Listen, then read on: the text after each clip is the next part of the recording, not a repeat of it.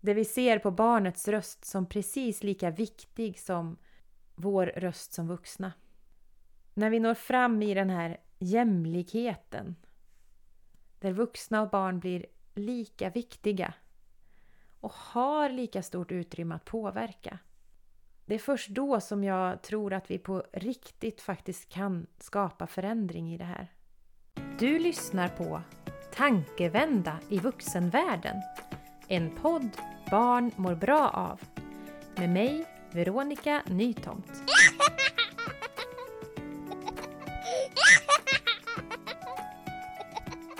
I barnens värld finns det alltid vuxna närvarande. Har du tänkt på det? Hur vi vuxna gör och agerar i mötet med barnen har stor inverkan på deras välmående. Vi kan bidra till positiva upplevelser och känslor, men även till det motsatta. I den här podden vill jag inspirera dig att göra tankevändor där du får möjlighet att reflektera över ditt förhållningssätt till barnen. Tillsammans skapar vi bästa förutsättningar för barnen att må bra. Jag som håller i den här podden är förskollärare och mycket av det jag pratar om refererar till förskolans kontext. Men jag tror att alla vuxna, oavsett sammanhang där man möter barn, kan ha nytta av att lyssna. Välkomna till min podd! Tanken med min podd är att dela tankar och funderingar kring barn och ungas psykiska hälsa och välmående. Och vad vi som vuxna kan göra för att skapa goda förutsättningar för barnen att må bra. Och i det här avsnittet tänkte jag fokusera lite mer på just det här begreppet. Psykisk hälsa, psykisk ohälsa, psykiskt välmående.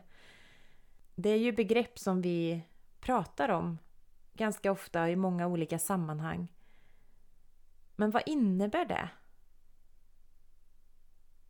Vad innebär det i sammanhang av barn och unga? Och framförallt, var behöver vi lägga fokus för de främjande och förebyggande insatser som vi behöver göra för att vända den här situationen? För det är trots allt så att vi i samhället idag ser ett stort antal barn och unga som verkligen inte mår bra. Som kämpar på olika sätt och i olika sammanhang. Det är liksom ingenting som går att blunda för. Och det finns många fantastiska arbeten som redan görs med ett stort engagemang och mycket viktig kunskap för att vända det här. Och det är så viktigt att de här frågorna får utrymme och tas på allvar. Och att det ges resurser för att arbeta i alla de sammanhang där det behövs. Och i de här viktiga projekten som redan är igång. Och jag ser verkligen med stort hopp till allt det som görs och att de här frågorna lyfts och diskuteras i många olika sammanhang. Men jag ser också att det behövs en ännu större förändring och en förändring på bredare front. Det finns så mycket man kan göra och förändra och där man skapar sammanhang där barn och unga får hjälp och stöd utifrån sin situation och får de verktyg de behöver för att kunna förändra utifrån det de står i och kämpar med. Men vi kan liksom inte låta det här fortgå. Att barn och unga ska behöva gå så långt. Att man ska behöva hamna i det här läget där man mår så dåligt. Att man, för många av dem, känner att man inte längre orkar leva. Och när statistiken för suicid och psykologiska olycksfall faktiskt visar på en positiv siffra i det stora hela och i det stora antalet i samhället. Men när man går in på detaljnivå och ser att det är en motsatt kurva när man tittar just på gruppen barn och unga. och att det också sjunker lägre ner i åldrarna. Det här är viktiga frågor som vi aldrig någonsin får blunda för. Och det finns så mycket som vi kan göra. Även i det lilla, lilla, enkla. Ganska komplicerade många gånger. Men ändå det lilla mötet med barnen. Mötet med de unga. Men för att det verkligen ska ske en förändring på djupet så behöver vi fokusera på vårt förhållningssätt som vuxna. Och som jag har sagt så många gånger tidigare i avsnitten. Hur vi lyssnar in, hur vi tar barnen på allvar. Hur vi skapar tryggheten i relationen, tryggheten i mötet med oss vuxna. Och som jag nämnde här tidigare så finns det ett stort engagemang. Det här är ett område som det pratas mycket om i samhället och det är frågor som lyfts. Men det jag också många gånger upplever är att vi ibland hamnar på en ganska förenklad nivå. Där man fokuserar på enkla lösningar eller sånt som för oss vuxna känns relevant och viktigt. Och jag har i ganska många sammanhang hört diskussioner omkring det här och där det lyfts att ja men eh, bara vi fokuserar på rörelse, barn och unga måste röra på sig mer. De är alldeles för stillasittande idag. Bara vi ser till att ordna det så, så kommer de må mycket bättre och då vänder vi det här. Eller barn och unga har så dålig kost. De äter för dålig mat. Det är för mycket skräpmat. Bara vi ändrar på det, bara vi får dem att äta mer hälsosamt så mår de bättre. Och för att inte prata om skärmarna. Ständiga diskussioner om skärmtid. Barn och unga sitter alldeles för mycket med telefoner, skärmar, iPads, datorerna. Det är det enda de gör dagarna i ända. Ja, och ur ett realistiskt perspektiv, så visst, vi behöver röra på oss mer. Vi behöver ha en god kosthållning. Och vi behöver tänka på hur vi använder våra skärmar. För visst, de här faktorerna påverkar oss. Men det blir så förenklat när vi säger att bara vi får de unga att göra så här. Bara vi får de unga att ändra på sina vanor. Så kommer det att lösa sig. Och tänk om det ändå vore så enkelt. Det vore ju helt, helt fantastiskt. Och då tror jag att vi inte hade stått här idag. Om det hade varit så enkelt. Psykisk ohälsa och psykisk hälsa är betydligt mer komplext än så. Och jag tror definitivt inte att jag står med några rätta svar här.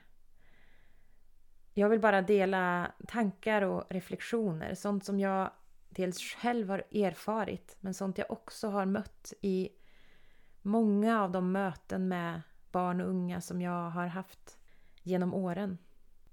Men också mycket av den forskning och det man ser idag som, som viktiga friskfaktorer för välmående och hälsa. Och också det här begreppet psykisk hälsa är oerhört komplext. Och det finns väl egentligen ingen tydlig beskrivning för vad det innebär. Men det man ibland pratar om när man benämner psykisk ohälsa så handlar det om att ha hamnat i sammanhang av så pass dåligt psykiskt mående att det påverkar ens vardag och ens möjligheter att fungera i sin vardag i en så stor utsträckning att det blir stora problem för en själv. Och den här beskrivningen gör ju också att det går aldrig att dra någon tydlig gräns vad som är psykisk ohälsa och vad som inte är det. Mycket är ju upp till upplevelsen hos individen. Men det man också benämner är att psykisk hälsa handlar ju inte heller om att man aldrig mår dåligt. För vi är människor med känslor och upplevelser i många olika sammanhang som ibland får oss att må jättebra och ibland får oss att må inte alls bra. Och det är delar som tillhör livet.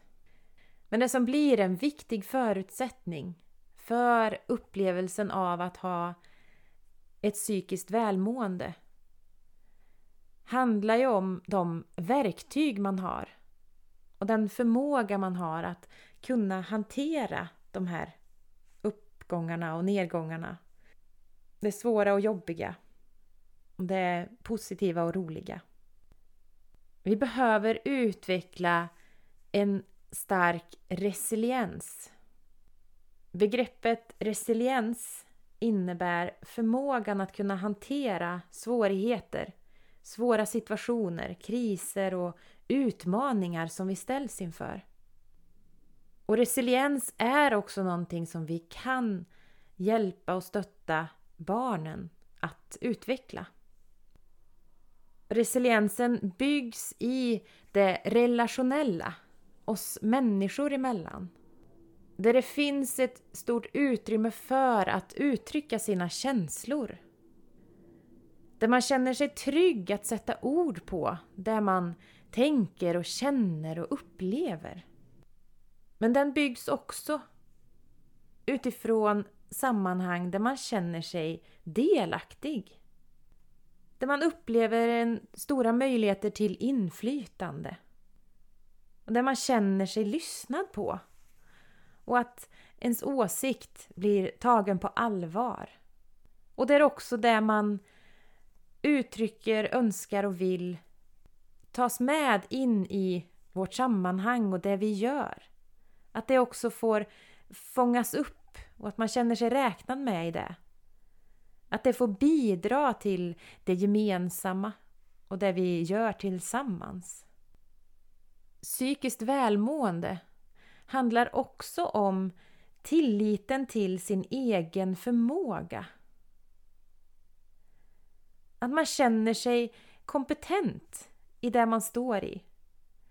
Att man känner att man klarar av, att man har en självständighet.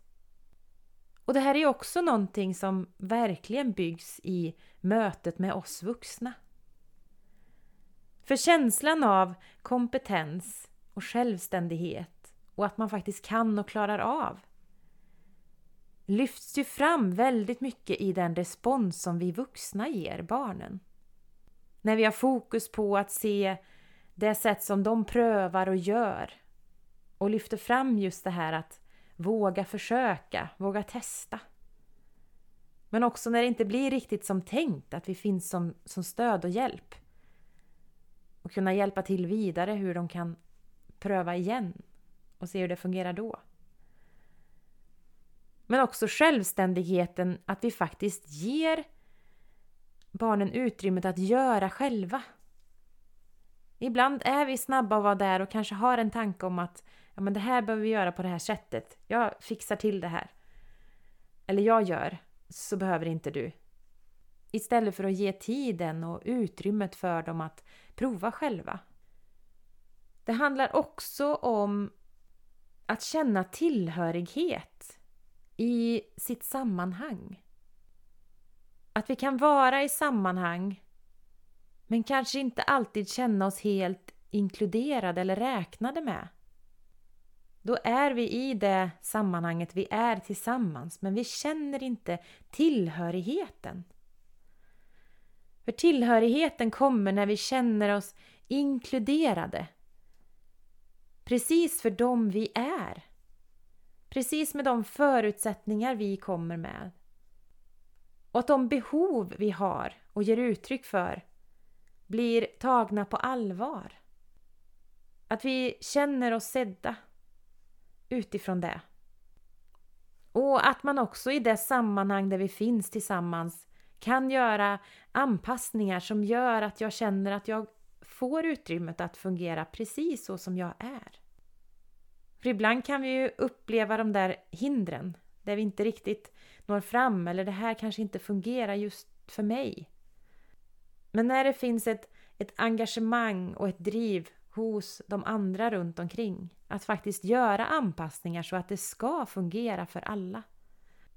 Och det här är ju någonting som vi vuxna har ansvaret för i mötet med barnen. Att de ska känna sig inkluderade och att de ska känna tillhörighet i vårt gemensamma sammanhang. Vi behöver också reflektera och tänka till i hur vi möter barnens känslouttryck.